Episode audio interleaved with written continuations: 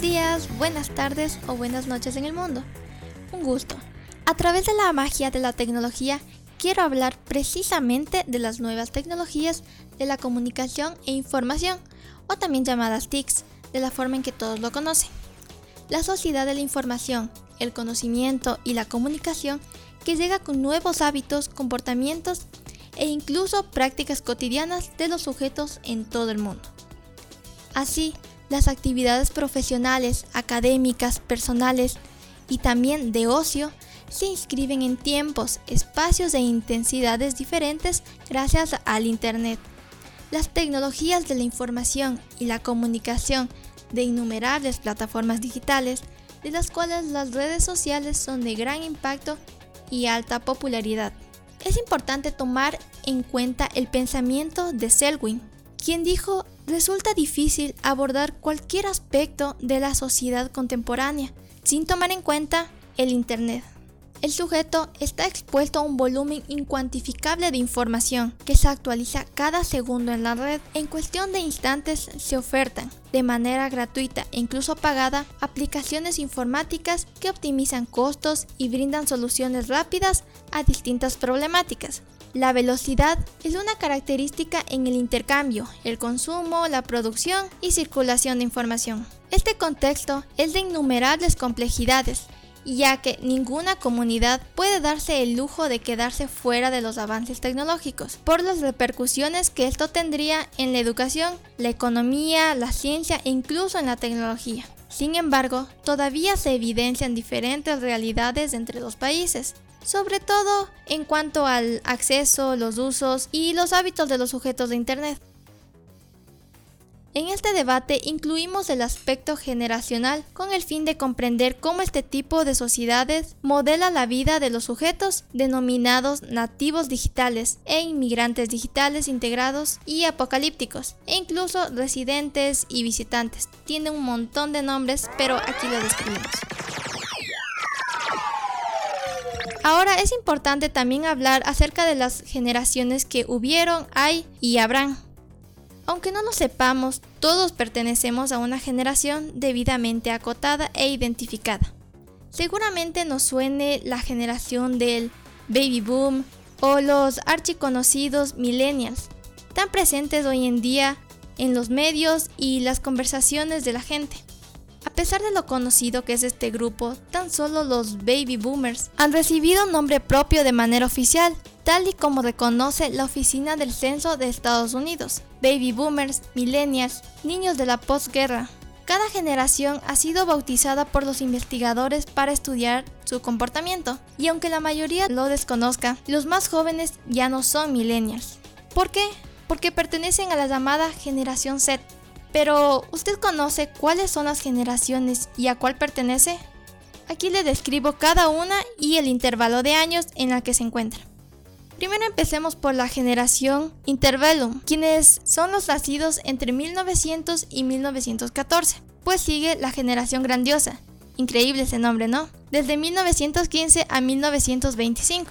Después la generación silenciosa, desde 1926 hasta 1945.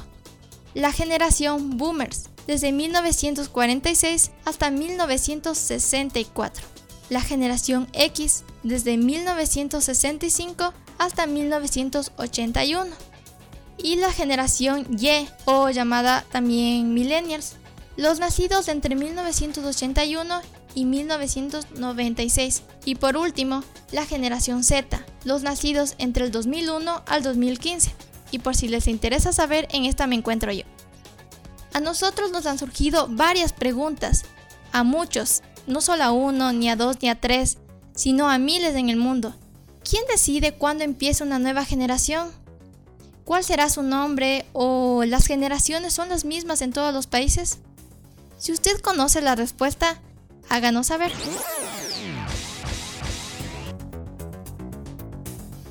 Ahora hablemos de los medios de comunicación.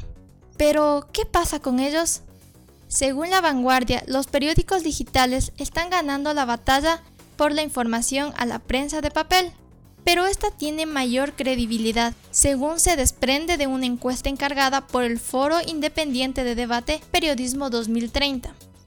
para la muestra, según informa el foro, se han hecho 4.300 entrevistas tanto a hombres como a mujeres, de entre años de 18 a 60. El 57% de los mismos son universitarios. La principal conclusión es que el 44.3% de los ciudadanos se informa a diario a través de periódicos digitales e incluso el 9.7% lo hace por estos medios dos o tres veces por semana.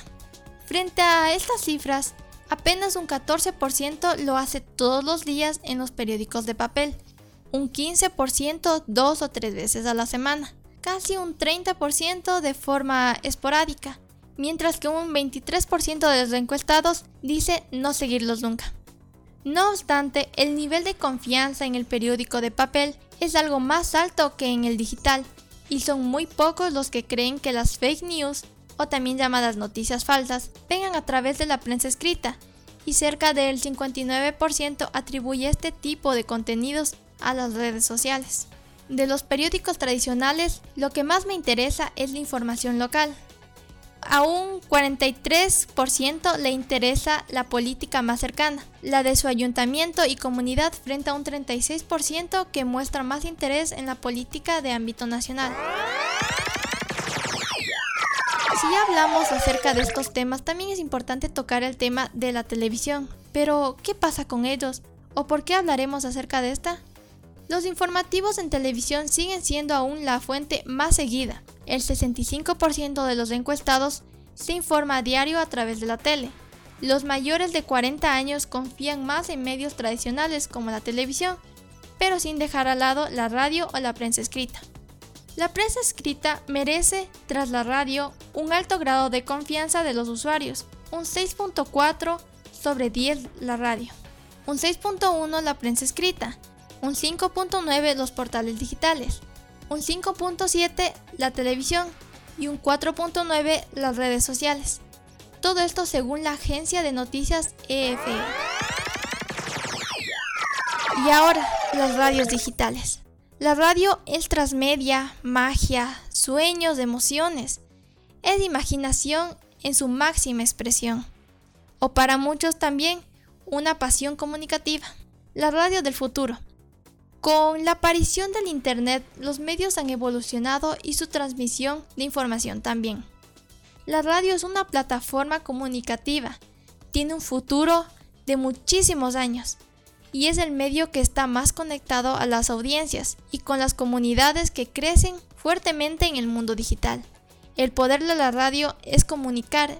A través de la evolución tecnológica, las personas que hacen radio deben implementar la construcción de contenidos diferenciados dirigidos a todo tipo de público. La radio cuenta con un poder incalculable, pero ¿qué quiere decir esto? Quiere decir que ayuda a resolver problemáticas difíciles que presenta la ciudadanía por medio de testimonios en espacios propios dirigidos hacia ellos. Muchos pensaron que la radio iba a llegar a su fin, pero no, ya que gracias a la pasión, predisposición, fuerza de voluntad de los radiodifusores, locutores, programadores y muchos más, esta se ha ido adaptando a la era digital, como el Internet y las redes sociales, lo que ha permitido que la radio siga más viva que nunca y no desaparezca.